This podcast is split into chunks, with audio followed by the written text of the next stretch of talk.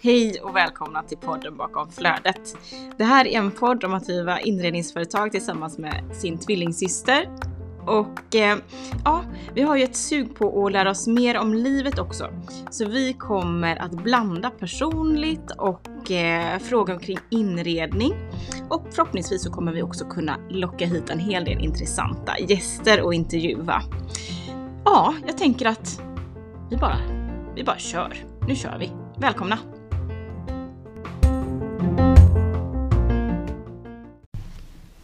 Hallå? Ja men då var det, då var det dags. Mm-mm. Oh my god, we're back in the house again. Ja, det var ju långfredag förra fredagen så vi var lediga. Men idag är det inte det. Det är någon annan dag, jag vet typ inte vilken. Men det är inte fredag, men vi eh, tar igen för gammal mjölk. Ja, jag kände att det ska bara bli av. Jag har njutit av påsken. Jag har ätit mina påskägg. Chillat ordentligt. Du med va? Jag har chillat. Otroligt. Så att nej, men vi var sugna på podd idag och vi gjorde ju en liten eh, en liten, eh, vad heter det såna? Frågeställning på Instagram. Så heter det. Och eh, ni ville ju absolut att vi skulle prata om eh, inredning. Men eh, nej. Vi fick, det sket vi. Nej men vi börjar fundera på så här, undrar om det är samma att de som är på Instagram, de följer oss väldigt mycket för just inredningsinspirationen.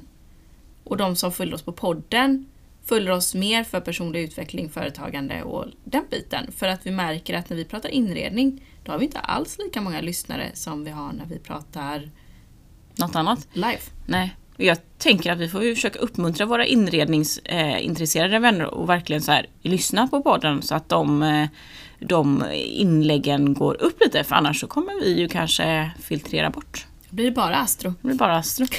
Får ni skylla er själva. nej. Men, eh, nej, men just idag så kände vi så här, nej men gud vad roligt att få svara på de 10 000 frågorna ni faktiskt skickar in. Så vi kommer köra Q&A idag. Jag älskar att säga Q&A. Det är lite Det fräsigt. är jättefräckt. Och eh, tack snälla för att ni har engagerat er och skickat in massor med eh, ja, men rätt kluriga frågor. Vi har fått ta en stund här och tänka igenom. Men först Maja vill jag bara höra, vad sker här och nu? Här och nu, jag och du. Eh, nej men vi, eh, jag vet fasen. Vad gör vi? Jag vet, jag vet inte. Att, vad händer? Jag frågar samma fråga till dig då. Ja, okej. Nej men vi har väl varit lite frustrerade. Vi sitter... Ja det har vi. Ja. Ja, nu när du säger det så. Jag med. Nej men vi har varit lite frustrerade för vi har väl känt, alltså det är som att sista veckorna har det kommit till oss att vi fortfarande som alla vet eh, inte av med våran lokal som vi har haft eh, homestyling i. Den är fortfarande här och eh, vi har intressenter och hitan och ditan men det blir liksom inte av med den riktigt än. Eh, och har haft väldigt mycket att göra.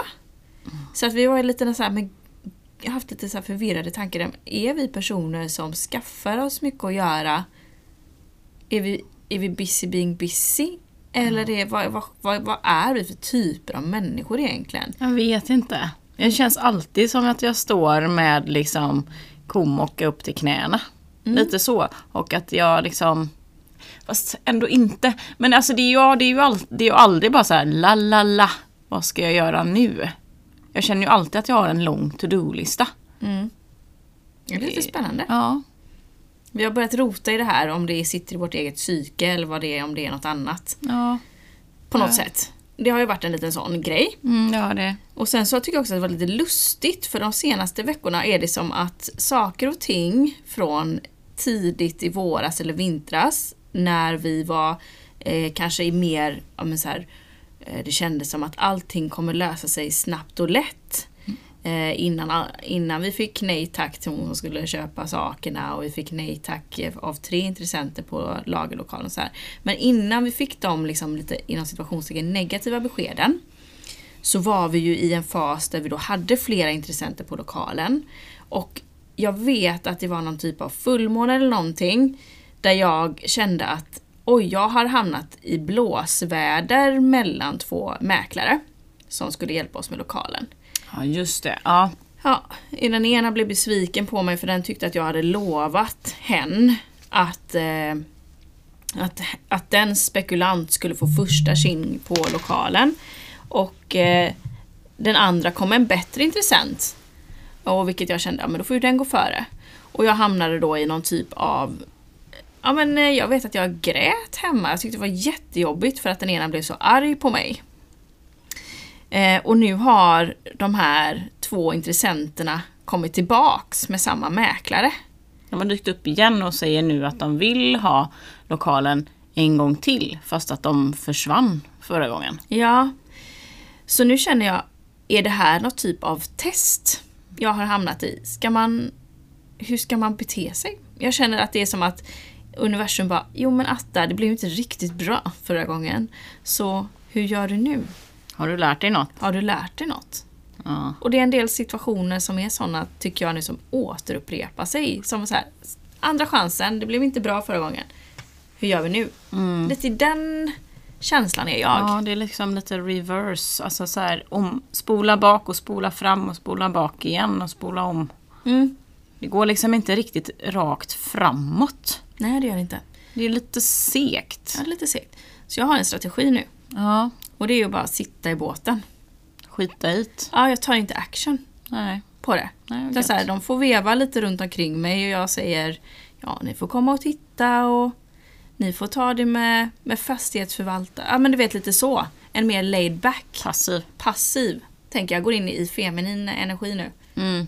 Tror jag. Ja, för jag tror inte heller att det är någonting man kan styra. Liksom. Det har ju varit utanför vår makt. Vi kan ju inte styra vem som får bygglov och vem som gör det ena och det tredje. Vi har ju inget mer att ge än att de kan få komma och titta och att vi vill att den som kan skriva skriver först. Eh, sen är det inte mer att göra liksom. Nej. Det blir en ny strategi helt enkelt. Ja, den är chill. Den är chill. Mm. Så det blir spännande. Nej, men jag ber om ursäkt till min telefon. Men okej, Maja. Har, jag har också haft en känsla av att det är ändå på något sätt dags att levla lite. Jag har varit inspirerad Mm. till att komma vidare mentalt. Ja, eh, det hade ju varit gött. Ja, jag kan känna själv att jag har liksom... Jag tror fortfarande jag är väldigt trött. Liksom. Så att jag känner att jag har liksom inte gasat, gasat till. Ibland kan man ju få sån riktig jävla inspirationsboost och bara säga men nu kör jag. Allt kan hända, allt kan vända.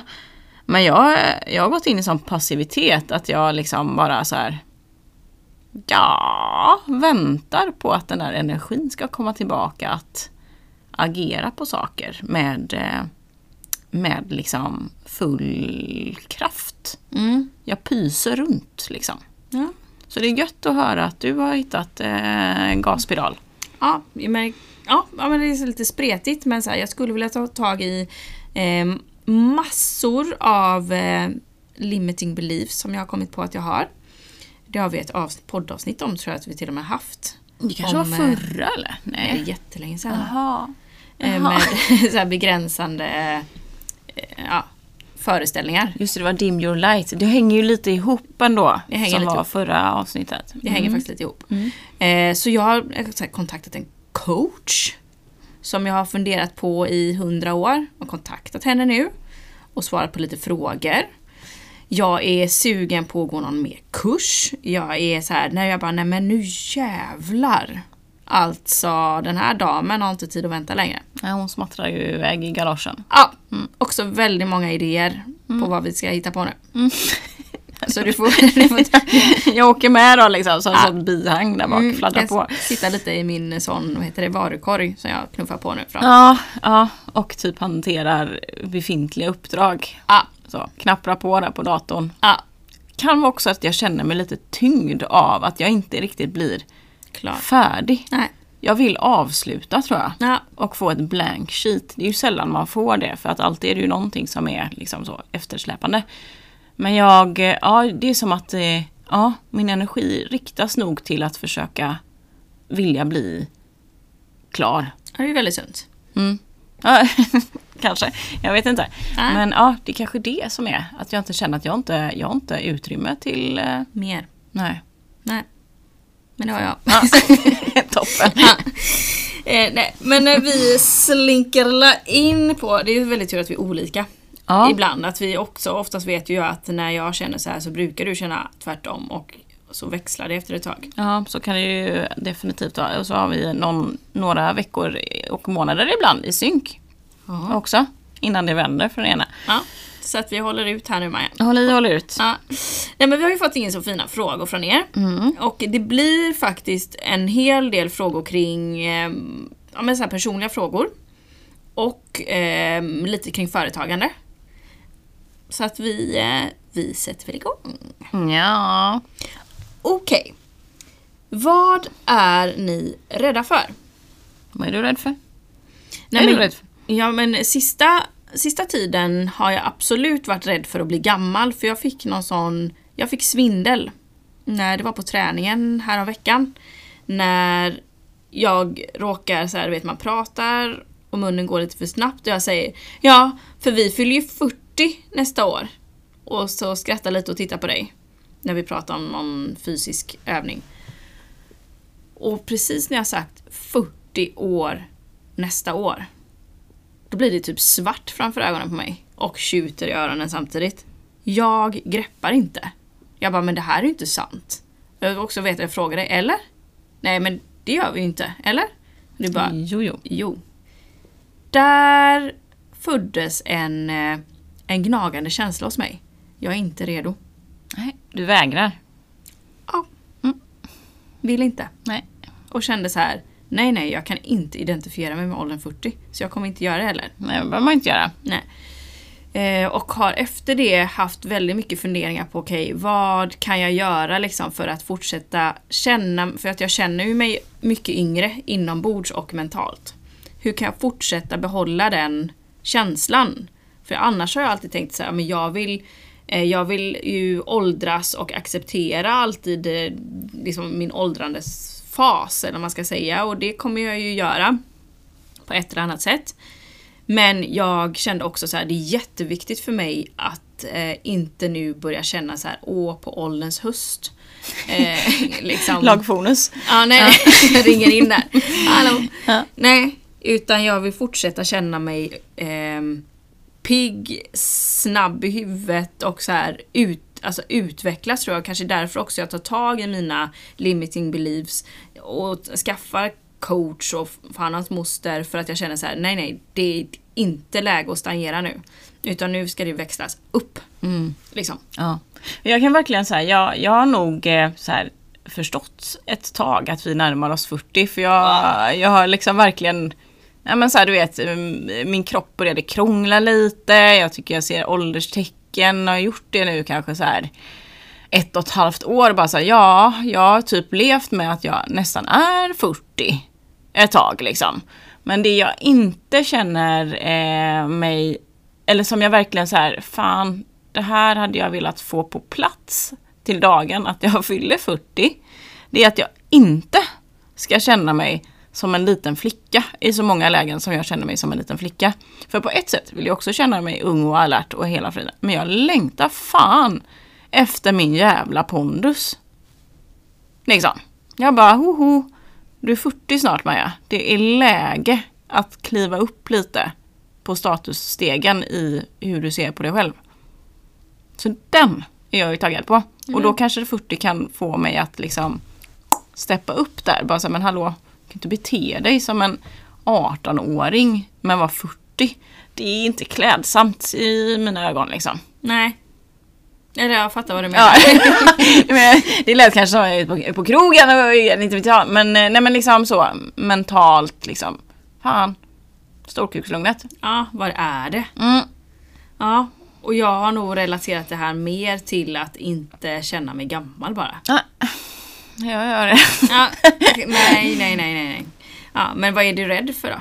Att vara kvar som flicka? Ja, att aldrig känna att jag bemästrar eh, den känslan av eh, trygghet i mig själv. Utan att jag blir gammal med ett eh, liksom scarce Scared litet barn, rätt, vad heter det? Rätt, rätt barn. ett, Rätt barn. Ett barn som är, är rädd på insidan Ah, i många lägen. Just det. Jag vill ju vara lugn, solid rakt igenom. Så då kan man säga att eh, det är inte så mycket yttre faktorer vi är rädda för utan det är snarare våra inre egna hjärnspöken och uppfattningar om oss själva vi är rädda för. Ja, jag har ju på ett sätt börjat förstå att ja, men de yttre omständigheterna är vad de är. Men jag har också försökt verkligen jobba med att så här, Maja, du vill ju leva gånger tre. Jag vill liksom bli 120 så att eh, de krämporna du har nu, de får du ju försöka liksom fixa till. Och det behöver inte vara för alltid. För ett tag kände jag så här, ja men det här är, nu går det ut för liksom. Nu är det illa däran. Nu är det inte mycket som kommer funka här om några år. Men så tänker jag, men det kanske det ändå är om jag plays, play, plays it right liksom och hittar liksom lagom nivåer på saker och ting, fysiska. Eh, men ja, det mentala behöver ju komma på plats liksom. Jag vill ju vara en cool 40-åring som är jävligt solid liksom. Men också såklart ung och pigg i sinnet. Ja. Vi får se om vi löser det. Mm, det är ju en utmaning som är till duga liksom. Ett och ett halvt år kvar. Det är lång Det är tid. jättelång tid. Alltså vad gjorde vi ens för ett och ett halvt år sedan? Var det typ inte ihåg. 2021 covid liksom? Ja. Vi var inte ens här i den här lokalen. Nej, jag menar. Mm. Otroligt. Mm. Nej men så vi kan väl säga att vi är mest rädda för oss själva. Punkt. Ja, men det skulle jag säga. Inte jätte så för omständigheterna runt omkring. Mer så här att jag inte ska mm, lösa min egen biff, liksom. Utman mina egna utmaningar Nej. i Shit. mig själv. Ja, det blir ändå spännande för jag tänker också det som är bra att vara rädd för sig själv det är att man har full makt i att ta tag i det. Mm, så är det ju. Hade man varit rädd, jag är som mest rädd för inflationen, ja men jag kan ju inte göra någonting åt den. Faktiskt. Nej, nej. Så att, eh, nej. Det ju, det känns ju onödigt. Men Ja. så här, ja men jag är rädd för hur jag själv eh, ser på mig själv. Ja men där finns ju någonting man kan börja gräva i idag. Ja, ja. Så det är ju svinbra. Jag tror att det här med rädslor eh, har, alltså externa rädslor har minskat hos mig ju, ja kanske med åldern. Och också med erfarenheter av så här, man vet att man klarar sig igenom saker och ting. Och en del tänker jag blir tvärtom. Att de bara blir räddare och räddare för omständigheter och omvärlden ju äldre de blir. Är inte Är det rätt klassiskt liksom? Jo, i och för sig att man känner att man kanske tappar makt och påverkan och kontroll och kraft. Ja. Att man också blir så här varse om saker och liksom så kanske upplevt mycket. Jag vet inte. Ja, så kan det säkert vara. Det är säkert högst personligt. Ja, att man inte läser nyheterna när man är 18 men när du är 45 så sitter du bänkad framför Aktuellt och tankar på Mm. Så du blir så rädd då. Ja. Jätte, jätterädd. Mm. Nej men så att eh, det kan vi väl sammanfatta det som. Rädda för oss själva. Ja, Otroligt synd. Mm. ja. Men vi har fått en till fråga. Eh, och det här kommer från... Eh, oh, den här frågan. Jag tror att det här är från Interior by Dibel. Eh, som, hon brukar alltid vara duktig på att ställa frågor till oss. Mm. Jättehärlig. Hon är aktiv. Hon är aktiv, så hej på dig. Eh, hur hanterar vi negativa tankar? Kan det vara så att hon fick inspiration till den här frågan för att vi råkade köra igång en challenge på en positiv vecka som vi fortfarande har? just det. Ehm, Hur har mm. den gått för dig? Jättebra om jag tänker positivt. Um, Kunde gått sämre? kunde gått sämre. Att hans ögonbryn flyger upp och landar i nacken. Alltså, tycker det. Nej men... ehm, ehm, ja men hur vi hanterar negativa tankar. Jag har, eh, jag har en programmering av att ha eh, bra mycket negativa tankar. Kanske inte är det första som man ytligt mässigt tänker om mig. Jag har ju ändå hört. jag har ändå hört att jag upplevs som positiv. Vilket är ett jävla skämt. Här ska ni få höra. Jag förstår vad du menar för att om man är eh, en, kanske liksom mer, mer en yttre krets eller så Exakt. så brer ju inte du ut dina negativa tankar som att du är en sån negativ liksom, person. Nej, jag hoppas, nej men det, det tror jag inte att jag injicerar negativ stämning i andra människor och sånt. Det tror Nej. jag inte. Nej absolut inte. Eh, men jag har rätt mycket interna negativa eh, tankar och speciellt om mig själv. Eh, som jag är väldigt medveten om. Eh, så jag har observerat dem. Och jag vet att de inte är sanna. Och vissa perioder så har jag bra kontroll på dem. Och kan liksom så här få dem att inte styra mig. Men i andra perioder så har jag inte motståndskraft utan då påverkar det mig rätt mycket. Vad skulle det kunna vara för negativ tanke? Liksom? Det skulle kunna vara i hur jag eh, inte har presterat eller vad jag... Eh, hur jag ser ut. Eller hur jag har eh, interagerat med människor. Jag har väldigt mycket så social, liksom socialt negativa tankar om mig själv. Att jag är lite awkward och lite svår och kanske för tillknäppt eller sa jag något konstigt, sa jag något fel. Eh, sa jag, var det inte tillräckligt smart, var det inte rätt svar nu jag gav på det här mötet? Tycker de att jag är jättemärklig och inkompetent. Eh, de, den typen av tankar kan ju absolut vara högst närvarande hos mig. Och har varit. Inte, all, alltså inte, inte alltid, alltid. Jag har haft perioder i mitt liv där jag har känt att jag har haft ett självförtroende som är rätt bra. Men det har liksom så här, på något märkligt sätt vacklat det senaste. Vad är det senaste? Ja men alltså... Typ sen jag startade eget skulle jag säga. Toppen. Mm. Men jag tänker, för att jag funderar lite på det och jag funderar på om det kan vara att det fortfarande för mig är en eh, Alltså att det är eh, en stor utmaning, alltså att det inte är Nej men att det är utmanande. Och är man utanför sin komfortzon så kanske det är enklare att falla för negativa tankar liksom. Jag har ju fortfarande i mitt liv varit längre anställd än vad jag har varit egenföretagare. Så det är ju inte så konstigt egentligen. Nej. Jag tänker att egot eh, som är det som brukar liksom skicka ut de här negativa tankarna. Om man tror på det, men det gör jag. Så att, ja. Mm. Eh, Att det, den får ju oftast, eh, den vill ju skydda en. Mm. De negativa tankarna är ju till för att skydda dig liksom. Ja. För att du inte ska ge, bege dig ut för långt utanför din comfort zone. Utan här- egot vill ju helst att man ska stay put. Liksom, stanna kvar där Tryggt, du är, tryggt. tryggt. Så att du inte går ut och skadar dig. Så det är väl fullt eh, rimligt att den, eh, att den vill liksom hålla dig tillbaka från saker och ting som känns utmanande eller stora eller nya eller som man inte jättebe- har varit jättebekväm med hela sitt liv. Nej. Nej, det är inte så konstigt egentligen. För jag är ju ytterst ansvarig både för ett företag och för mig själv och för min egen, liksom, min egen lön, min egna liksom, in, utgifter i företag. Alltså det är ju mycket som helt plötsligt ställs på spel mot vad man, när man är anställd. Och där har du ju ändå tragglat på. Det är lite tryggt liksom. Jag behövde prestera en sak, liksom. jag behövde prestera i mina uppdrag. Nu behöver jag prestera väldigt mycket mer. Och jag tror på ett sätt också att jag har mer prestige i det jag gör. För att det är verkligen jag. Förut jobbade jag ju för ett varumärke eller ett företag. Det var mycket andra människor. Men nu är det du och jag. Och jag är 50% av det. Liksom. Så jag behöver ju se till att det blir jävligt bra. Ja.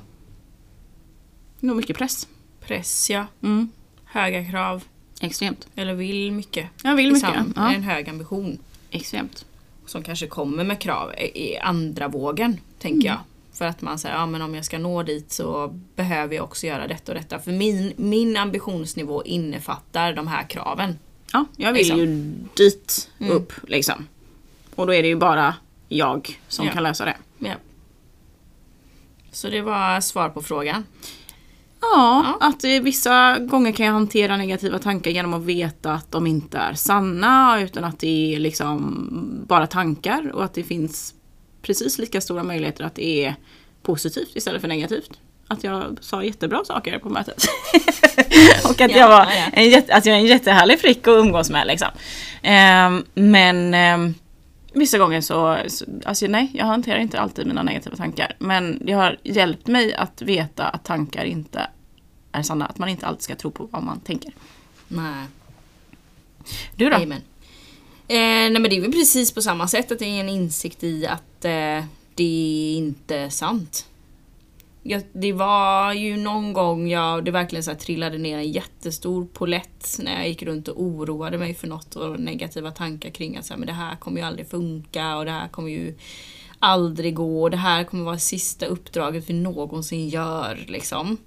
Nu var det kanske ett tag men sen. Men eh, jag vet i alla fall att, att när jag fick en insikt i det så här, att med telefonen kan ju verkligen ringa precis när som helst med ett erbjudande som jag inte har någon jäkla aning om. Likväl som att den inte skulle ringa. Och vad är egentligen mest troligt?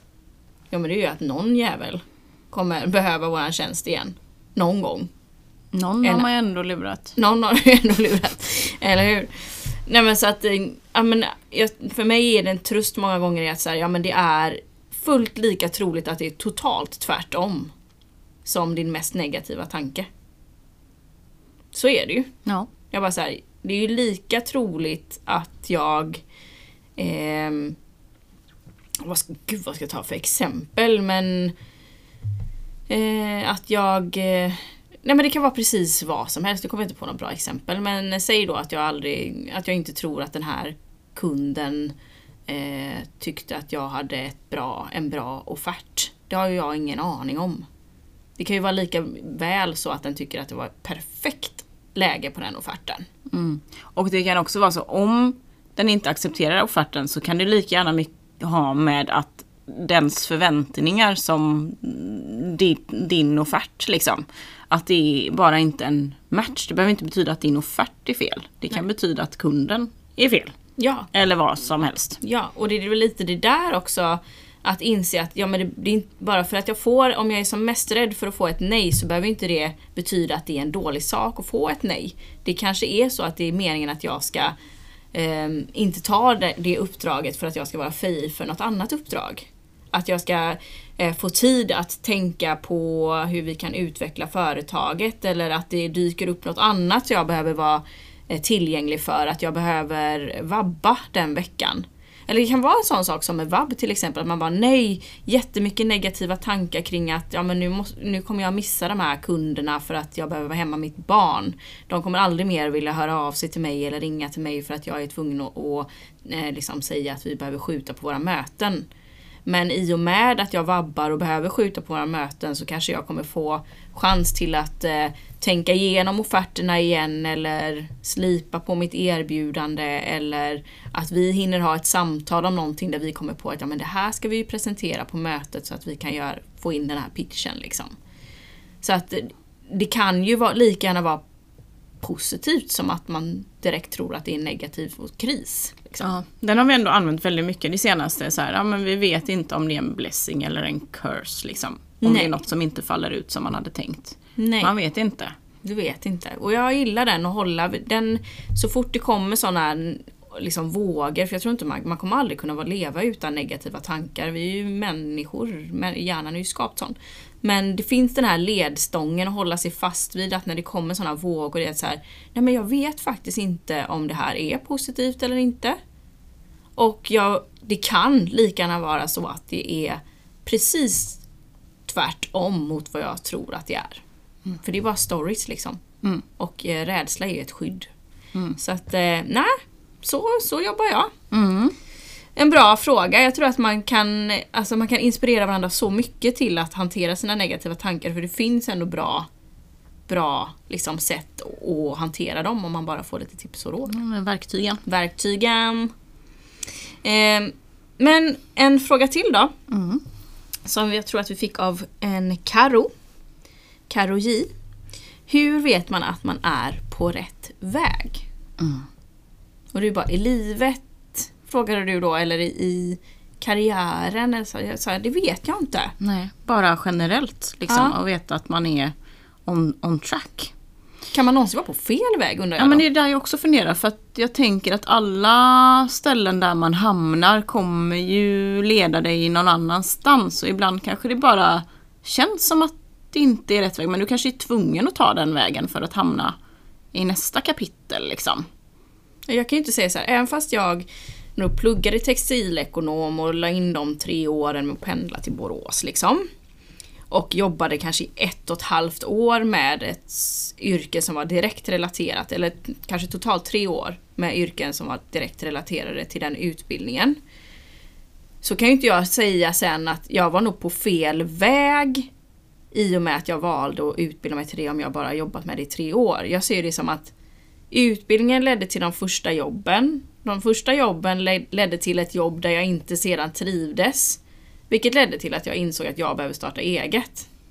Då kan jag antingen välja att se det som att ah, jag, var, jag la de första sex åren var på fel väg. Eller så är det att nej, jag var tvungen att ta den vägen för att komma på vad jag ville göra. Och också så här, jag verkligen eh, kan ju tillgodoräkna mig åren av insikter, kunskaper och erfarenheter. Och kontakter. Och kontakter. Och, mm.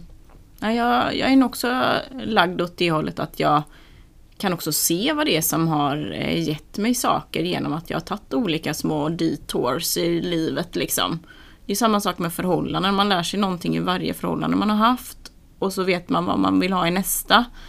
Och så tar man sig liksom vidare som en sånt, eh, ett tv-spel. Alltså du vet så här, man, man klarar en boss och kör en bana och så tar den dig till nästa liksom. Mot något slutmål. Som kanske aldrig är ett riktigt mål i livet, jag vet inte. Men eh, Nej men jag tror att man ska försöka se det eh, som att allt i livet kommer är, är, är där för att lära dig någonting. Men att man ska våga lyssna till hur det känns där du är så att man inte stagnerar. Liksom, att man inte nöjer sig med att vara kvar i något som inte känns rätt längre. Nej, och hur vet man om någonting känns rätt? Alltså... Uh, kroppen kanske? Liksom att det känns Alltså, man, ont i magen. Ont, ont i magen. ont, ont, ont. Nej. nej, men att, nej men alltså jag tänker att man tappar energi och att det inte känns roligt och att det känns motigt och tungt. Liksom. Och sen allt, det finns ju, alltså man kommer alltid känna vissa perioder att saker och ting känns tungt. Det behöver inte betyda att det är fel. Men mm, Ja men alltså att man kanske har en längtan efter något, något annat liksom. Ja, att det aldrig lättar. Nej. Utan att det snarare blir värre. Ja. Eller bara att du, är tapp, du har ingen motivation Nej. till att, ta det vidare. Ibland kan man tänka bara så här, det här är jävligt tungt nu men jag vet att på andra sidan av den här liksom pucken så kommer det bli så här eller då ser jag liksom målet. Eh, ser man inte målet och man ser inte motivationen och man ser inte liksom vad man får för liksom plus i kanten av det här nej men då kanske det är så här, nej men det är nog inte riktigt rätt. Och jag tror att det är som du säger, man känner faktiskt framförallt i kroppen. För hjärnan den kan du lura dig hur mycket som helst. Och bara, ja men det är så här livet är och det är så här det är bäst att vara kvar för att du eh, kommer inte klara något annat och du, eh, det där kommer bara leda till dåliga beslut om du gör sådär. Hjärnan kommer ju alltid som sagt vilja ha, att du stannar kvar på den platsen du är. Men kroppen den rackaren, ja, den tycker jag är svårare att lura för att då är det där, det är den där alltså, magkänslan. Att du så här, att om, om någon säger till dig så här, ja ah, men skulle inte du vilja plugga?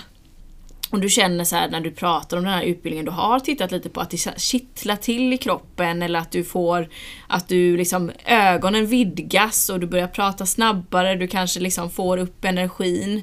Ja men då är det ju kroppen som signalerar att det här är någonting du känner entusiasm kring.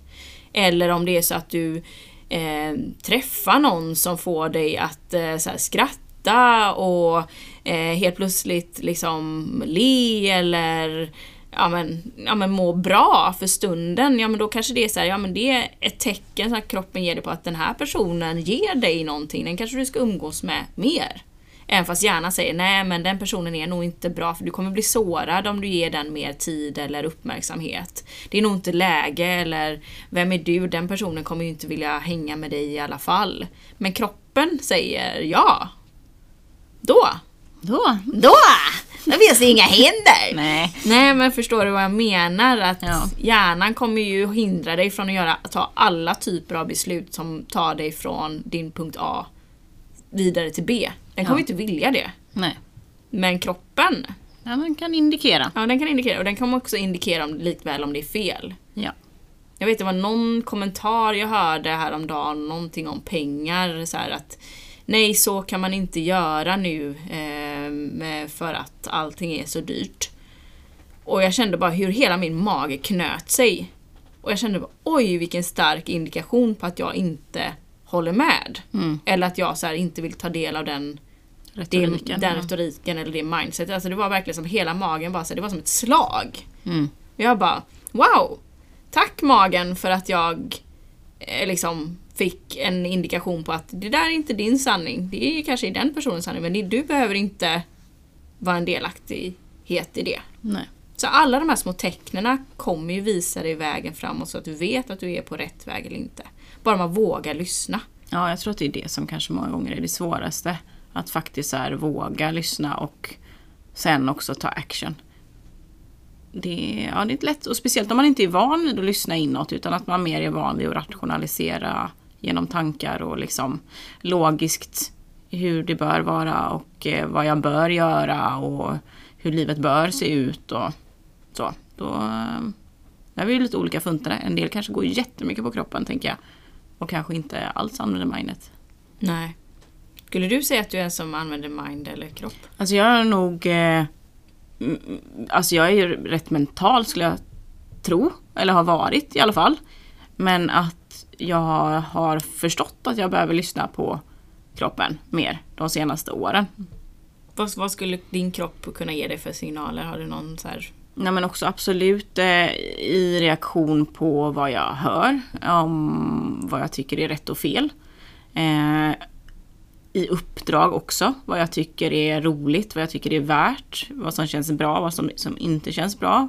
Med kunder också. Eh, där kan jag känna så här, det här älskar jag, det här är så jävla roligt. Jag kan verkligen säga högt till mig, fan vad jag har roligt när jag gör de här uppdragen. Medan vissa känner jag bara såhär, men det här känns inte, känns inte rätt att göra det här. Något är fel liksom. Visst kan det bara vara en energi som ja, man får? Mm, det är inte, det här är inte värt liksom. Det här Nej. vill jag bara avsluta och komma ur. Eller inte lämna pris på. Typ. Nej. Och där kan det ju vara, där kan ju min, jag ha problem med min hjärna då för att den har en stark rädsla för att vara i brist. Att den var såhär, men vi är vana vid att ha startat från noll och inte haft något kapital eller så utan så här fått, alltså vill vi tjäna en krona då behöver vi skapa en krona liksom från noll. Eh, och den liksom, rädslan för att vara i brist och inte ha tillräckligt mycket uppdrag gör ju att min hjärna många gånger säger till mig skit i vad du, det var nog bara en, du är nog bara rädd för det uppdraget eller du känner det var nog ingenting kör ändå liksom. Lägg en offert och så blir det nog bra. Det är ju det är inte så många veckor som ni lägger på det.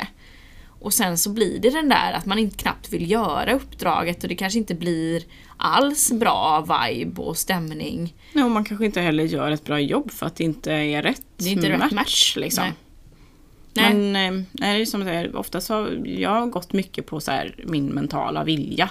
Alltså vill jag genomföra någonting så har jag ju sett till att mitt mindset är att jag gör det. Det är ju skitsamma hur det känns, du får bara göra det liksom. Men där har jag börjat förstå att det kommer ge mig mer. Att jag också kan öppna upp för andra möjligheter om jag lyssnar till vad jag faktiskt tycker är roligt. Jag kan faktiskt fylla min kalender med saker jag tycker är roliga. Och värdefulla och värdeskapande istället för att forcera in saker som jag bör göra för att det dök upp och man ska inte tacka nej till uppdrag eller vad det nu kan vara. Nej, det är väldigt intressant vad som händer nu för jag tror att du, både du och jag är på den platsen att vi har börjat inse att så här, oj, nej men vi kanske inte behöver, vi ska nog faktiskt inte eh, gå på och ta, tacka ja till allt. Utan vi ska försöka narrow it down till det som vi tycker är riktigt roligt för det är ju där vi blir riktigt bra och då kan vi också ta riktigt betalt. Eh, så jag tycker det är jättespännande att se. Jag tror att det är en del av den här levlingsprocessen som jag har börjat känna mig inspirerad av. Att säga, nej men jag vill verkligen se vad som händer om vi smalnar av våra koncept. Vi har ju redan börjat genom att säga att nej men vi, vi brinner inte för fysisk homestyling längre. Vi tar bort den delen. Vilket kommer ge oss möjlighet till att satsa på det som verkligen kittlar just nu, där vi kommer kunna vara bra. Vi var inte bra chefer längre. Utan vi behövde göra någonting annat där vi är liksom hundraprocentiga. Så att det är väldigt, jag tror att det är det jag känner mig väldigt exalterad till att se så här, okej, okay, vad kan vi skapa nu när vi får lägga mer energi på det som vi verkligen älskar?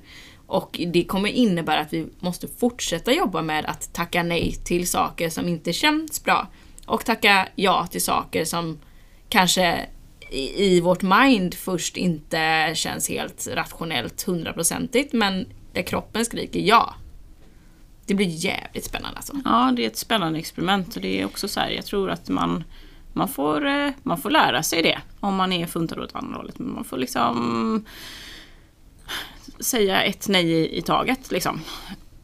Ja, kommer man gå på några nitar liksom. Men eh, kom ihåg vart det är man vill och tro på att det kommer bli bra på det sättet också. Att man inte kommer hamna i brist eller bli ovän med folk bara för att man säger nej tack. Liksom. Nej. Ja, spännande. Så lite om att vara på rätt väg då. Mm. Tror du att vi är på rätt väg? Ja, alltså det tänker jag. Det är spännande att se hur den här vägen nästlar sig fram. För det är ju så här, det är kringelikrokigt liksom. Jag tänker att få vägar är spikraka.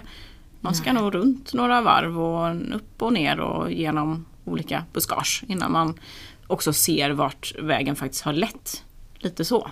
För ibland tror jag man kommer ut på liksom en så här öppen slätt och bara aha! Det var hit jag var på väg. Fan, här kan vi skörda lite liksom. Och sen så kanske man hoppar in i ett snår igen och rafsar runt ett tag liksom och försöker orientera sig. Ja, det är verkligen livet. Det är det det går ut på tror jag. Mm. Hitta, Nästla på. nästla på. Eh, men om man då hoppar över till frågan som vi har fått från Madeleine. Vad som motiverar oss till att driva eget? Mm, ja. Eftersom det uppenbarligen inte är någon spikrak väg. Nej, det är inte lätt alltid. Eh, men jag skulle återigen, det har vi säkert sagt hundra gånger, men att det är friheten och ägandeskapet. Liksom, över min, e- min egen min egen arbetssituation. Sen så har jag insett att jag sätter jättekonstiga krav på mig själv ändå. Men att det finns i alla fall ingen ram från någon annan för vad jag ska göra.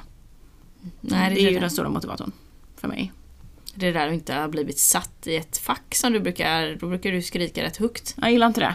Nej. Jag gillar inte det. Någon säger så här, du är det och du är det och du är det. Det är fruktansvärt. Det är en rolig trigger tycker jag. Ja, jag ser hur mina näsborrar börjar fladdra. Ja, jag Du är ju sån Maja. Och jag bara, du har ingen aning vem jag är. Two-faced. Two-faced! Absolut ingen aning. Nej, ja, för det ska vara roligt om man står i ett samtal där någon drar den linen till Maja. Så brukar jag bara dra den sneglingen. Och så tänker jag nu Hon har satt sin sista potatis här. var ju den personen cancellad för resten av livet. Så, Ah. nej. Men eh, väldigt, eh, den vet jag triggar. Det är Nej men jag, för mig är det också frihet. Och, och ja, men eh, det är någon typ av liksom möjligheternas alltså, moder. det är livmodern man är i eller? Ja, jag tror det. Att så här, ja men om vi nu, för jag älskar den här tanken då, om det blir flummigt. Men jag älskar ju tanken på att från att vi föds så är vi redan allt vi någonsin kommer bli. Så här, ja men om jag nu lyckas eh, på något sätt skapa en ny uppfinning här i världen så är jag redan den där uppfinnaren när jag går liksom på gymnasiet, bara att jag inte vet om det än. Utan det är så här, ja men jag har ju all jävla potential att vara precis vad som helst. Jag har det redan i mig, men jag ska bara liksom förstå det själv. Mm, hitta dit. Hitta dit. Så att det gäller ju att lossa de här begränsningarna då, liksom, som man har om sig själv. Så det är ju någonting om att, att få vara egenföretagare ger ju mig ytterligare en möjlighet till att bli den, eller att vara den jag är fullt ut. För att det är som du säger, ingen som kommer säga till dig, nej jag vill inte att du hittar på en ny ehm, tjänst här borta. Ditt jobb är att sitta och knacka de här siffrorna nu, dag ut och dag in. Vilket gör att jag kommer inte levla. Liksom. Då kommer jag kanske bli jättebra på att knacka siffror. Men jag kanske också var jättebra på att, att göra uppfinningar. Eller kanske var du ännu bättre, Ja, tänker jag. ja. Så att det är det där att få vara i möjligheternas moder. Mm. Frihet att växa åt det håll man vill. Mm, testa. Mm. Och det här är säkert mardröm för många. Ja, jag kanske så- insett att vi inte... Alltså att jag tänker ju att alla vill ha den friheten. Det tänker jag med. Men det vill de inte, alla. Alla vill inte. Ont i magen. ont, ont. Nej, det är väl att det kostar någonstans. Jag vet inte. Fast jag tror Energi. inte det eller? Eller att man bara så här stängt av. Ja. Jag bara, alla vill. Men det vill man kanske inte. Nej, men det är olika roller liksom. Jag vill jättegärna veta, vill ni? Vill ni vara i möjligheternas moder med full frihet? Ja, och växa åt vilket håll du vill. Det är att man måste vara villig att ta ansvaret också, som du sa. Ja, men jag har ansvar för min egen skit. Jag har ansvar för mina egna pengar. Jag har ansvar för min egen liksom, prestation. Det är ingen annan... Anseendet. Anseendet. Det är ingen annan som kommer liksom sopa upp det efter mig. Nej. Det är väl att, man, att det är det som är kostnaden. Ja, det är det ju. Det är det ju. Men den är ju hundra gånger värd för jag tänker att man får ju get your shit together liksom. Du bara gör. Du kopplar bort alla känslor och så bara kör du. Så ordnar det sig. Ja. Så. Nej, jag skojar. Men ehm, ja, det är klart att det är det som är nackdelen. Det kan ju vara bekvämt att vara. Att någon säger det här är du, det här är dina uppgifter. Detta är mina förväntningar på dig. Och så, så gör du det. Du gör inget annat. För det är inte, det är inte ditt. Du ska inte uppfinna någon mall där borta. Du ska inte uppfinna en ny tjänst. Det är inte, din, det är inte ditt uppdrag. Det här är ditt uppdrag. Det kan du göra jättebra. I det här rollspelet du kör nu så känner jag mig kränkt, Ja. låst och har panik. Är jag en gammal chef till dig nu? Ja, det, här är, att du ska, det här är dina uppgifter. Du behöver inte tänka på det där borta. Det gör någon annan. Åh fy fan! Mm. Åh fy! Jag vill ha det klart imorgon, säger den också. Mm. Ja, gärna. Mm. Jag vill se de här siffrorna klara imorgon. Topp. Nej, jag får ju stress. På riktigt. Jättedålig känsla. Ja men det var inte så snällt. Nej men Ja, men hade man haft ju. en bra coach, coachande chef så hade de sagt åh vad, vill, vad brinner du mest för? Det kommer du inte kunna göra i den här tjänsten. Men, Nej, men vi kan skriva upp det på ditt utvecklingssamtalspapper och så har du i alla fall blivit hörd. mm. För det där är ju bara phony baloney känner jag ju. Mm. Många gånger. Ja. Om det inte är inom ramen då för det man faktiskt företaget behöver. Nej men precis så är det ju. Men då Så kan det ju snarare vara att man uppmuntrar den personen att söka sig vidare om du inte motiverar. om du inte vill göra dina siffror, men då kanske det är dags för dig att titta efter något annat. Och så helt plötsligt har man lagt ut sina drömmar och så blir det ens eget avgångsvederlag. Ja, och det kanske är det bästa som kan hända. Just det, för då var det meningen att den vägen skulle slänga sig vidare. Du har inte förlorat någonting. Men du vann allt faktiskt. Och våga säga vad du ville. Superbra på att knacka siffror och tog det vidare. Mm. Men där hade ju Mindet kunnat säga så här, nej men jag ska inte yttra att jag egentligen vill eh, utveckla tjänsterna inom det här företaget.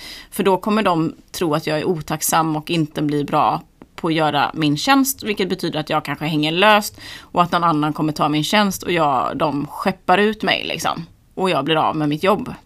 Så hade ju många kunnat tänka, att jag ska inte säga vad jag egentligen känner om mina uppgifter. För det kan ju liksom landa snett. Och så blir man så här, men gud, hon vill ju inte vara här. Nej, för så kan man faktiskt ha tänkt. Ja, hon vill ju inte vara här. Varför är hon här? Hon är ju här bara för att liksom ta ut sin lön. Ja.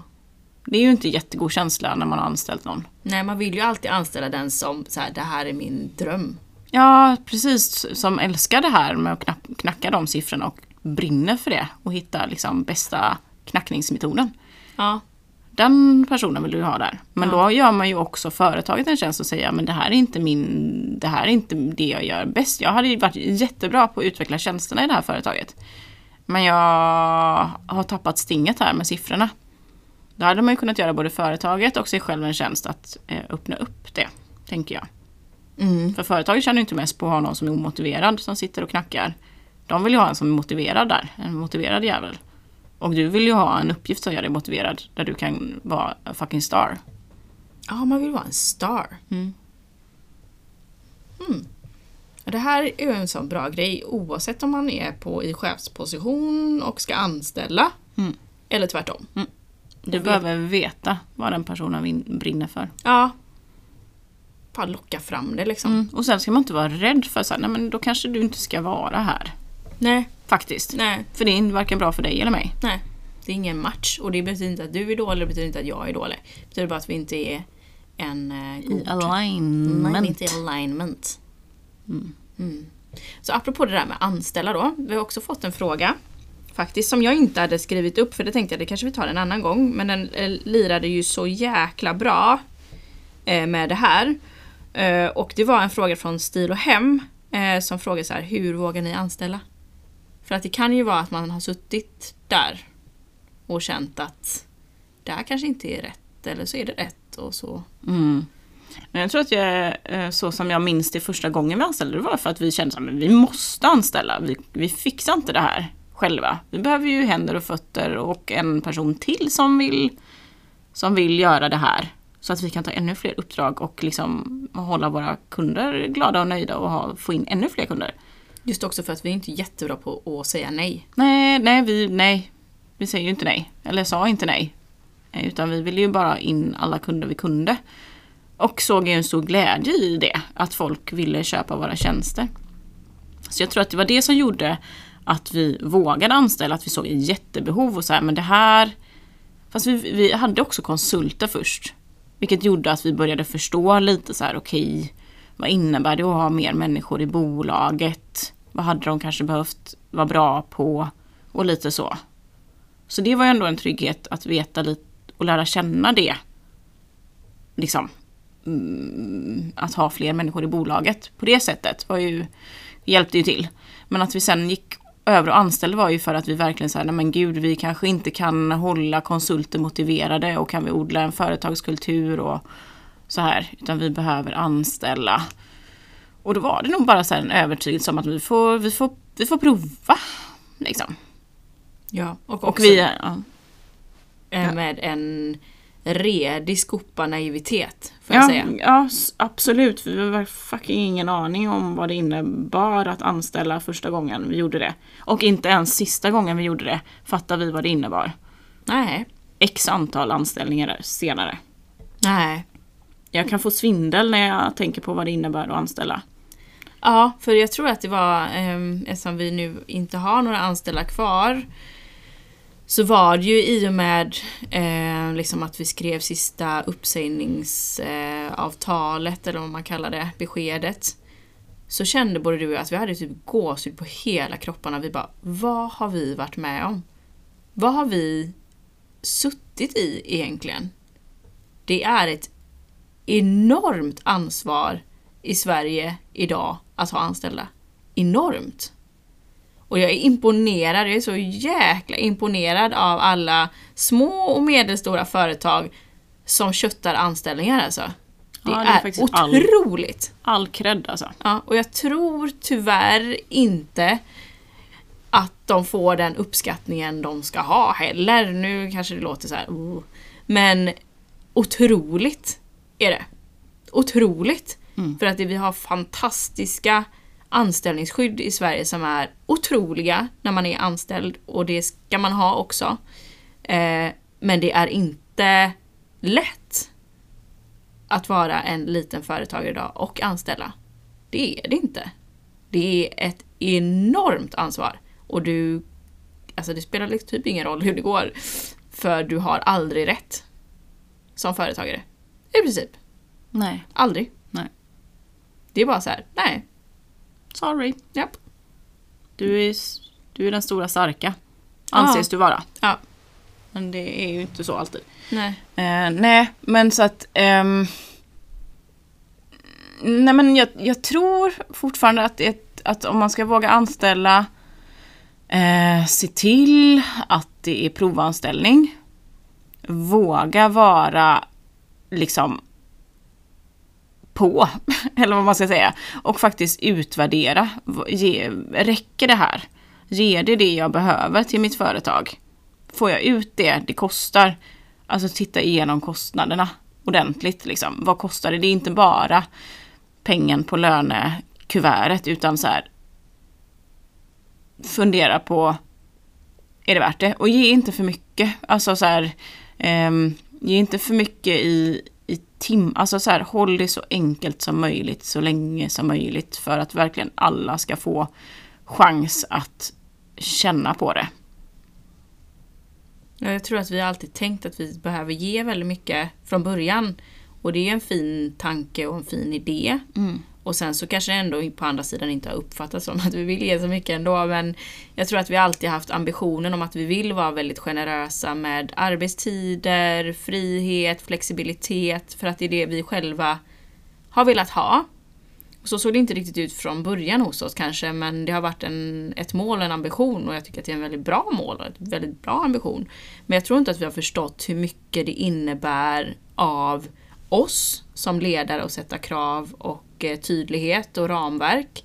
Och jag tror inte heller vi har förstått hur mycket det faktiskt också kräver av den anställda i ansvarstagande, förståelse för sin uppgift, eh, och sådär. Så att nej, men jag är imponerad av att vi, att vi har vågat anställa. Och jag skulle absolut säga att det är en av de största lärdomarna vi någonsin har haft som e-företagare. Ja, och jag tänker så här, alltså om man står inför att man behöver anställa för att eh, många vill att ens bolag ska växa och då behöver man ha anställda och det är en extremt viktig del av den resan. Alltså hör er för med någon som kan mycket om, om anställnings, liksom, rätt höll jag på att säga, men, men krav, vad är det, vad innebär det? Vad betyder det med allting runt omkring som man inte tänker på med försäkringar, pensioner, Sjuk... sjukgrejer, förmåner. Allt, alltså hitta någon som är duktig på det. Alltså om det är en jurist eller om det är någon som har lång erfarenhet av HR. Alltså sätt dig ner och bara intervjua och försök få liksom klarhet i vad det faktiskt innebär. För vi hade faktiskt inte en jävla aning över vilka krav man har på sig som företagare när man har anställda. Nej. Och sen när du anställer, som du sa, utvärdera och också så här när det funkar så är det fantastiskt. Ja, då, är det, fucking det bästa som finns. Det är så jävla roligt och eh, det är ju återigen inte jag tycker, skulle inte säga att det negativa liksom, eller det tunga ansvaret väger tyngre än, än de positiva sidorna om det går bra.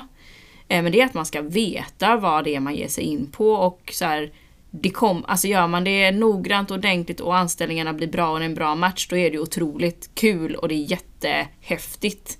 Så att det är ingenting man ska hålla sig borta ifrån. Det är bara att man ska skaffa sig kunskapen och vara noggrann. Eh, jag tror att våran största våra största misstag var att vi till slut inte var tillräckligt delaktiga. Så vi hade inte tiden i att utvärdera, vi hade inte tiden att följa upp, vi hade inte koll på timmarna, vi hade inte koll på sjukfrånvaron. Alltså det blir... Eh, man behöver ju vara det. Man behöver vara i det. Liksom. Och det är också en skillnad att ha en anställd till att ha flera för att plötsligt så växer ju liksom mm, mängden mm, insikt som man behöver ha.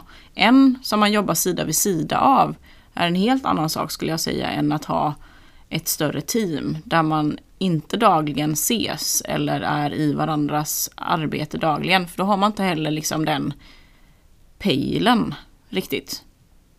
Vilket är svårt. Ja. Och man ska också gilla att styra, tänker jag. Ja.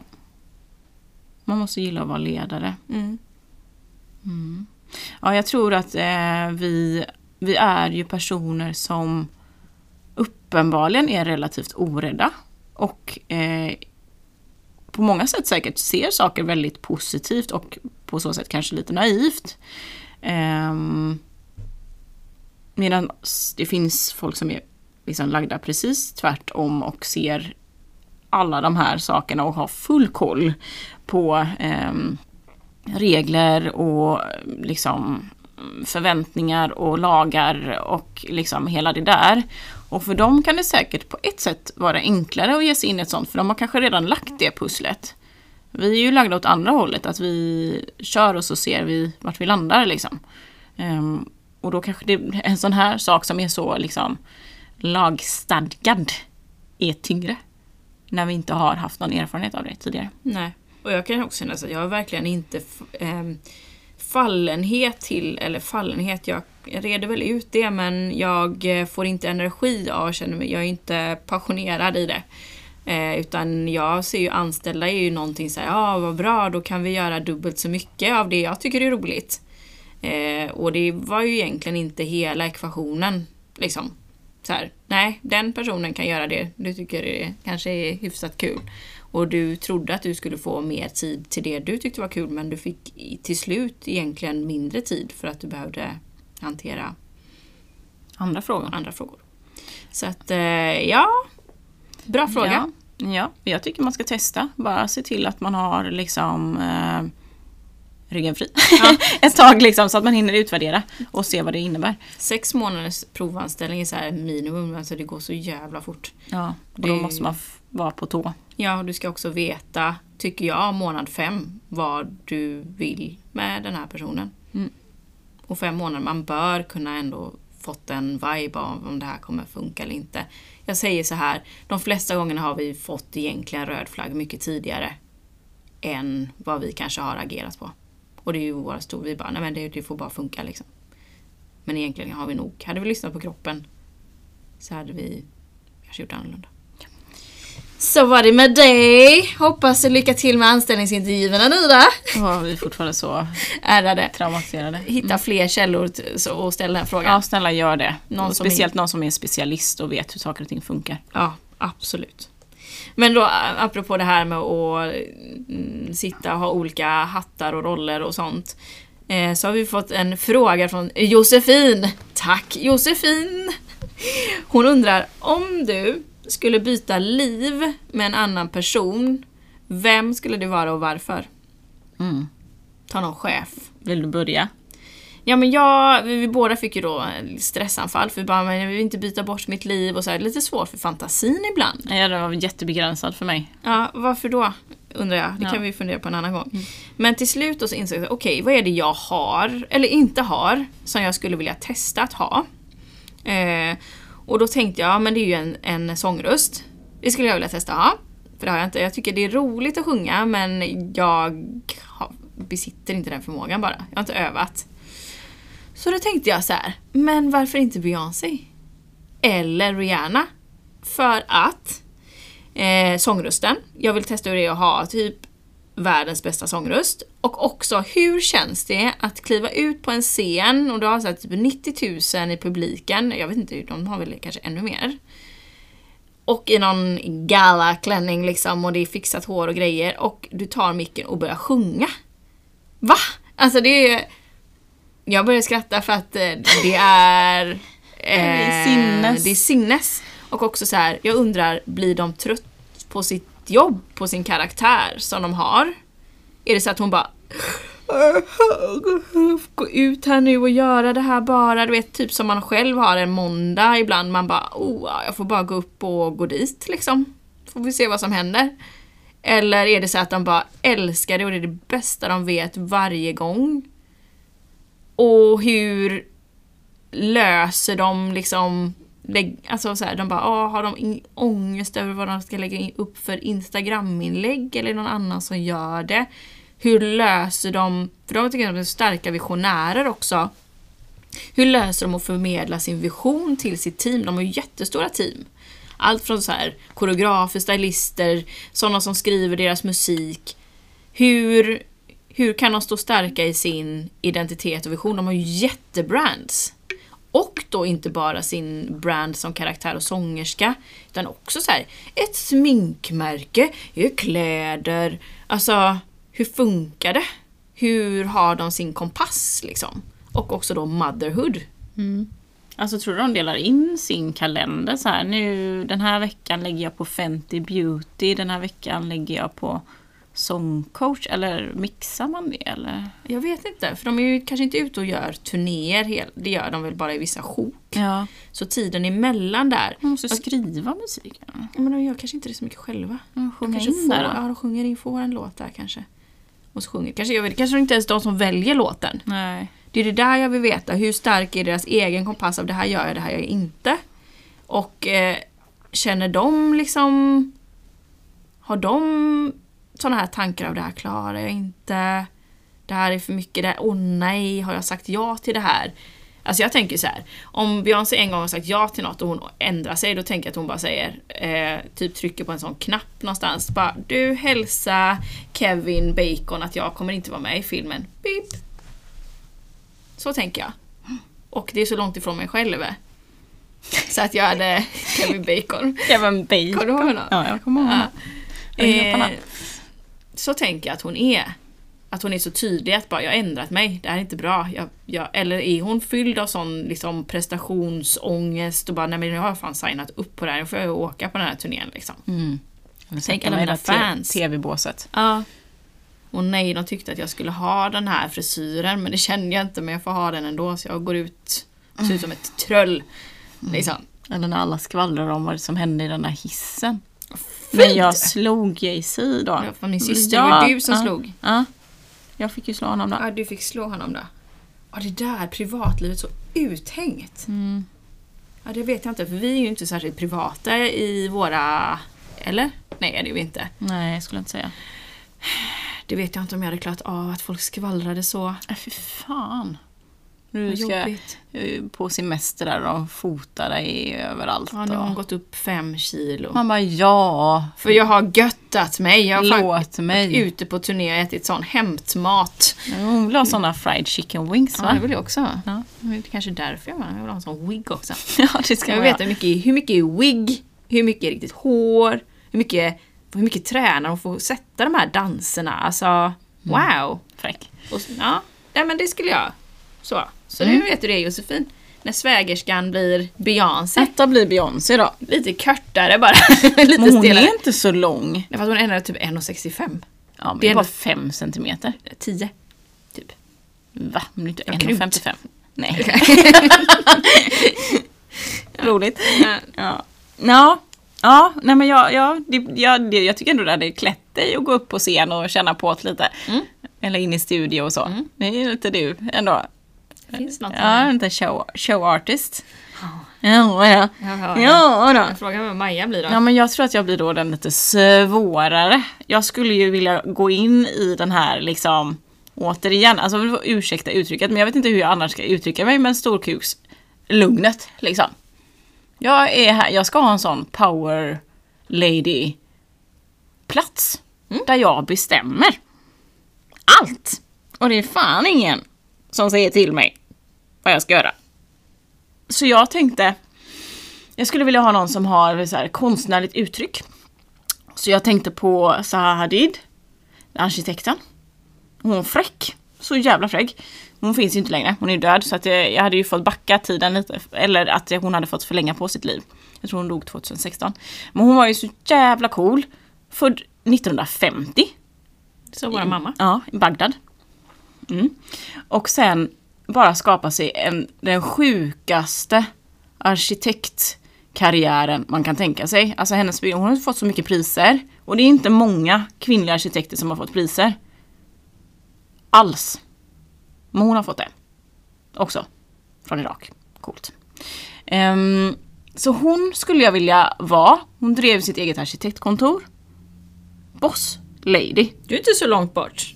Nej, kanske inte är det. Men för mig utifrån så har hon en sån jävla alltså avtryck.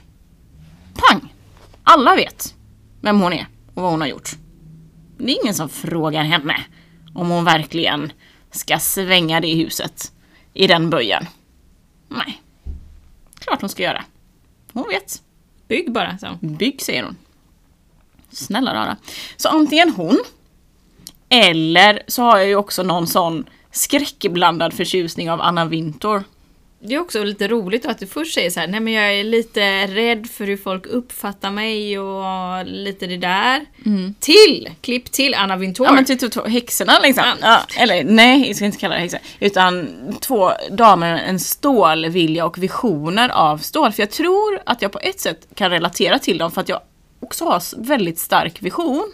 Men jag vågar ju inte och har inte hittat vägen till att liksom uttrycka den fullt ut. Och liksom implementera den. Jag backar ju. Liksom. De backar inte. De har också tagit sig fram på sjuka sätt. Tror jag. Och också väldigt ärliga. Det är inga people pleasers. De här damerna. Absolut inte. Så egentligen det som håller dig borta från att vara Anna Wintour och Hadid, det är att du bara ska ta bort eh, people's pleasern. Ja, jag kan radera min känsla av att vilja bli älskad och omtyckt och inkluderad. För jag tänker, så som jag ser det utifrån, så är de ju kanske inte de mest, alltså det är ju inte de mys, mysdamerna liksom. Sen har ju de säkert jättehärliga umgängen liksom så privat. Men utifrån är det ju inte de man går och gullar med liksom och som alla mm, så. Utan det är ju rätt hårt liksom. Det är ju visionen för allt. Sen får relationer liksom flytta på sig. Ibland. Det är lite spännande. Tänk om du är, alltså du är ju redan nu då. Alltså om vi tar min hypotes av att du redan är. Då är det ju bara limiting belief som ska bort. Mm. Sen är du ju där. Ja, jag vet. Och den har jag, jag, jag tror att jag har pratat med dig om det förut, att jag skulle vilja vara... Att jag kan bli väldigt inspirerad till exempel av hon i den här... äh, Vad heter de? Eh, de här äh, elitstyrkans eh, soldater. Petra. Ja, Älskar Petra. Alltså det, hennes ärlighet och hennes tydlighet bara nej nu ljuger du. Säger hon. Nu ljuger du för dig själv och du ljuger för mig. För så här agerar inte du så som du säger att du är. Jag hade velat vara den människan som kan säga så, för hon säger det inte för att vara elak. Hon säger bara det för att så här är det. Du ljuger. Och både du och jag vet det. Åh, det är så bra! Jag älskar Petra. Jag vill bli sån. Åh. Inte så här, alltså hela min själ vet att personen mitt emot sitter och, och blåljuger mig rakt upp i ansiktet och jag sitter ändå och bara så här, ja, mm, mm, ja, ja, så kan det ju vara och liksom så här. Och klappa med hårs. Alltså snälla, vad är det? Nej, jag vet, jag är likadan. Och, Man den, vet ju. och så gör man liksom skada på sig själv av att spela dum. Ja, man bara, men du kan inte, alltså tror inte att du kan lura mig. Nej, För det gör du inte. nej. Utan jag gör ju det här nu bara för att vi ska behålla någon form av god stämning i rummet. Mm. Och för att jag inte vill skada dig. Nej, för jag tänker också så här, jag kan inte med och göra bort dig. Nej. Så illa som jag kommer göra bort dig nu när jag säger, men vet du vad? Jag vet att du ljuger för mig nu. Mm. Och du ljuger för dig själv. Alltså, att bli så bortgjord känner jag så här, nej men det kan, så kan man inte Nej, typ jag kan inte mot göra det mot en människa. Jag får ta det här istället. Jag vet ju vad som är sant så att, eh, ja. Ja, mm, lite så. Men då är, då är vi inne på det där med att man eh, Gör avkall på sig själv. gör avkall på sig själv för det första, för att du spelar med. Och så här, kan, antagligen har ju du gått med på någon sjuk eh, liksom, överenskommelse att den andra personen smiter iväg liksom, och, och har klarat sig helskinnad. Och med typ facet i behåll. Eh, men också att den har inte lärt sig en läxa. Så att du hjälper ju den att fortsätta vara en, inom situationstecken, mindre utvecklad Version av sig själv. version av sig själv. Den hade ju kunnat levla i det ögonblicket om du sagt men vet du vad? Du får fortsätta ljuga för dig själv men ljug inte för mig för jag vet att det här är inte sant. Du kan bättre än så här. Liksom. Men nu kommer ju den smita vidare tills att den möter på dig nästa gång. Förhoppningsvis då är det ju du som har eh, fått bort din eh, sån här people pleaser eller så Anna Wintour eller någon de smiter på. Så att de istället får stopp. Hit. Nu kommer du inte längre med den här liksom, taktiken. Utan nu behöver du levla. Det är det. Mm. Spännande. Man ska se det som att man hjälper människor. Jag hjälper dig nu säger att det här är ju Det är löjligt det här. det är jättelöjligt. Mm. Sluta. Ja, eller där, men så här, nej vi behöver, jag behöver mer. Jag förväntar mig mer. Mm. Du får skriva om artikeln. Ja, den var inte bra nog. Inte bra. Jag tror också att jag är ju Anna Winter mot mig själv. Ja, det är du. Men jag är ju inte det mot någon annan. Ja, kanske mot mig då. Nej! Nej då. det får du skriva om. Pang sa det. Klackar jag ut. Det är då jag säger nej, jag vill göra något annat. Jag ska faktiskt sjunga nu. Jag ska göra en ny tjänst. Ja. Det kan inte vara roligt längre. Nej, det är bara min tjänst också. Du ska aldrig få använda den. Nej, och jag är faktiskt egenföretagare och bestämmer själv. Jag vill inte göra det längre. Går hem nu. Ja. Nej, men så att ja, det hade varit en, eh, varit en fräck resa. Jag blev alldeles svettig. Det här Ja, men man- betydde någonting för mig. Man blir inspirerad. Ja. Man bara, det är inte så långt bort. Nej. Det är bara att börja öva ju. Det kan vi ha som övning en dag i veckan. Där vi ska vara Anna Wintour. Ja. Jag måste skaffa stiletter. Av peruk. Ja, absolut. Ja, jag har redan peruken. Det är ju den svarta peruken du vet. Eh, Med Ja. silverstring, stringa, strimma i. inte stringar. Strimma. Ja. Ja, den är riktigt lurig. ja. Men när vi har på oss dem. Vampyr. Ja, för jag tror ibland är det faktiskt enklare att gå in i en roll totalt. Ut, klä ut sig. Ja men jag tror det också. Man får ta på sig en lite stor kostym och traska på där liksom. Ja.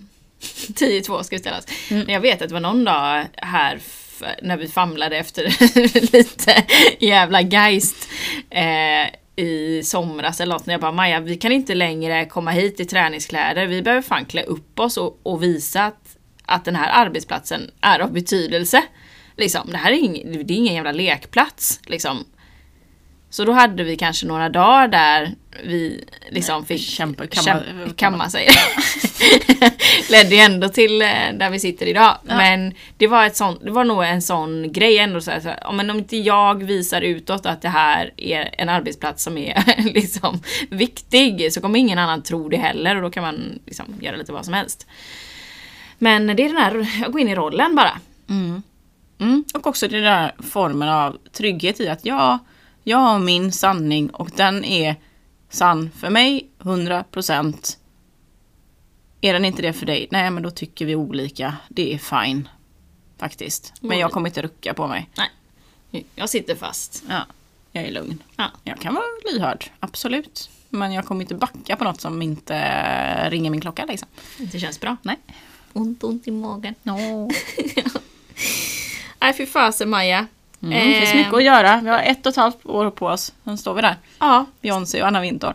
fasen vilken cool duo. Mm. Så med sista frågan här nu då.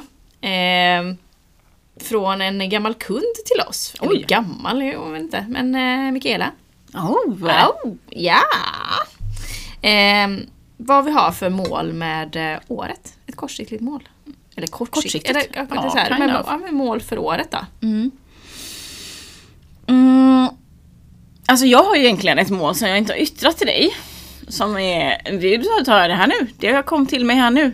Men jag har haft det som en liten morot. För mig själv. Kanske. Eller så. Ja, ja, utan att jag egentligen har tänkt på det jättemycket. Men jag skulle vilja att vi, det här blir väldigt liksom, tydligt mål. Jag skulle vilja att vi uppnår samma omsättning som vi har haft eh, tidigare. När vi har haft en, en annan typ av verksamhet. Även i år. Mm. Den ska inte gå ner. Nej! Det ska inte gå ner. Nej, för det, har, det kan man ju tänka så här, ja, men om man går från 9 till 2 så att ja, då kanske omsättningen följer med. Jag, ska, jag tror inte det. Så inte jag heller. Jag har tittat siffrorna. Jag har tittat? jag har tittat. Nej men eh, det ska jag eh, skriva under på. Mm. Jag tror, nej nej. Nej, Nej, känner jag. nej, Inte en chans. nej. Nej, jag sitter på den bollen. Nej, det är lite spännande. Ja, det är som att ta en sån... Eh, jag kände, kände jag att jag kan bli en pitbull. Ja. Jaga. Ut och uh, ja, ja, Gnaga ben. gnaga benen. Ja men det är ett bra mål. Mm. Kul, det, ja, tydligt. Ja, det var tydligt. Det, är, det är sällan jag sätter tydliga mål så. Nej, ja, ty- eller? Det gör det väl? Det är inte ofta vi har satt sådana ekonomiska mål. Det var länge sedan nu. Ja, i och för sig det var länge sedan nu men ett tag var vi jätteduktiga på det. Det var när vi var vi två. Ja, kanske back to business nu. Det är nog enklare att hantera. Alltså jag känner att det är lättare att kontrollera. Mm. Att det blir mer så här påtagligt. Ja, grymt mål. Och eh, jag har då ett lite mer eh, liksom eh, inte, inte fladdrigt ska jag inte säga, men inte så kvantitativt mål. Nej. Utan mer ett eh, action och mentalt orienterat mål. Och det är att eh, våga tacka nej till eh, uppdrag och företeelser och, och i, grejer som känns nej i kroppen. Ja, den är viktig. Den kan jag också skriva under på. Det är det nya nu. Ja, det är ju Beyoncé och Anna Wintour. De hade ju inte gjort... Inte göra en artikel som är taskig. Nej, som inte känns bra. Nej. Hon vet vad som är bäst för hennes tidning. Ja, Sluta sluta nu. skriva dåliga saker. Så dåligt! ja, nej. Och så med sista, som sista, jag bara måste ta med Emelies fråga också. Ja, men, ja, kör. Ceramics. ja. Vad vi skulle, vad, så här, om det är någonting vi under de här åren när vi har dri- drivit eget som vi känner i efterhand att det hade vi faktiskt kunnat skippa och göra och lägga tid på. Hade det varit då? Ja, alltså en, en praktisk sak som vi kom på var ju det här äh, köpta eh, konstiga, någon slags köpt marknadsföring. Det var någon som tog sig hit och skulle sälja på oss någon marknadsföring. Eh, och så lät eh, lite så fräckt för att man skulle få någon slags spin-off både i olika mm, sociala medier och hej och hå liksom. Köpt annonsering. Och i någon tidning, tror jag. Men det gav absolut ingenting. Så det hade vi kunnat skita i. Kände jag. Det hade vi gjort bättre själva med köpt annonsering faktiskt. Ja, det var riktigt konstigt upplägg. Ja, det var jättedåligt. Ja, Det var som att vi släppte in TV-shop ja dammsugar... försäljaren. Försäljaren. Det var inte bra. Nej, det var inte bra. Det hade kunnat vara utan. Och sen så känner jag så här att vi hade, jag hade, eller det, jag ser ju det som att allting vi har gått igenom har verkligen varit eh, för en anledning och att vi har lärt oss otroligt mycket av det. Så att det är svårt att säga att nej men det här hade vi kunnat skippa. Men jag önskar ibland, eller så här, för min egen del och för din egen del, att vi hade använt våran röst tidigare. Jag menar du så här, Beyoncé. Ja, så. Nej men så här, kunnat, alltså inte lagt så mycket tid på att försöka vara en people's pleaser. Nej, jag vet. Det är waste. Ja. Och det vet jag Emelie att du Inte är. inte är. Så att grattis till dig. Du är en inspirationskälla. Ja, vi har mycket att lära. Ja, vi har jättemycket att lära. Titta på dig. Titta på dig. Tänker så kan man göra. Så kan man göra som Emelie gör. Ja. Och, och då? Fräck. Fräck. Inte Anna Winter över henne då? Jo, men det- Jo! Och Beyoncé. Ja, Ja, ja, ska ja. sjunga också. Nej, det tror jag. Får vi se. Emelie om du kan spela in en trudelutt. Med det sagt, tack för otroliga frågor. Vilket terapisamtal det blev. Ja, jag kände mig faktiskt lättad. Det var konstigt, det var som att det lättade på trycket någonstans. Jag kände en connection. Jag kände mig stärkt av Anna Winter. Ja, Du kanske ska koppla an, lägga lite tarot, tarot på det. Man kanske kopplar in här. Det blir att- Hon kanske kan bli min guide. Tänk om så här, det är min guide. Wow! Jag kanske kan be om det. Det tror jag. Åkalla nu inget jag orkar inte. Jag har fått upp henne i eh, Andys sån business tarotkortlek flera gånger. Ja, jag vet! Men då har du en connection. Ja, nej. Jag har ju mer fått såna här, de här, eh, det var någon trans... Stalin? Nej. Nej, trans... Eh, någon sån som har en transshow. Nej, men ja, ja fast eh, också vad heter hon då? Um, Ellen. Ellen DeGeneres och trans, en trans... Kvinna. Ja. Man. Ja. Mm. Det var mycket showbiz. ja, men det är ju det. Det är ju roligt. Det är roligt ändå. Åh, ja, Ellen DeGeneres. Ja då.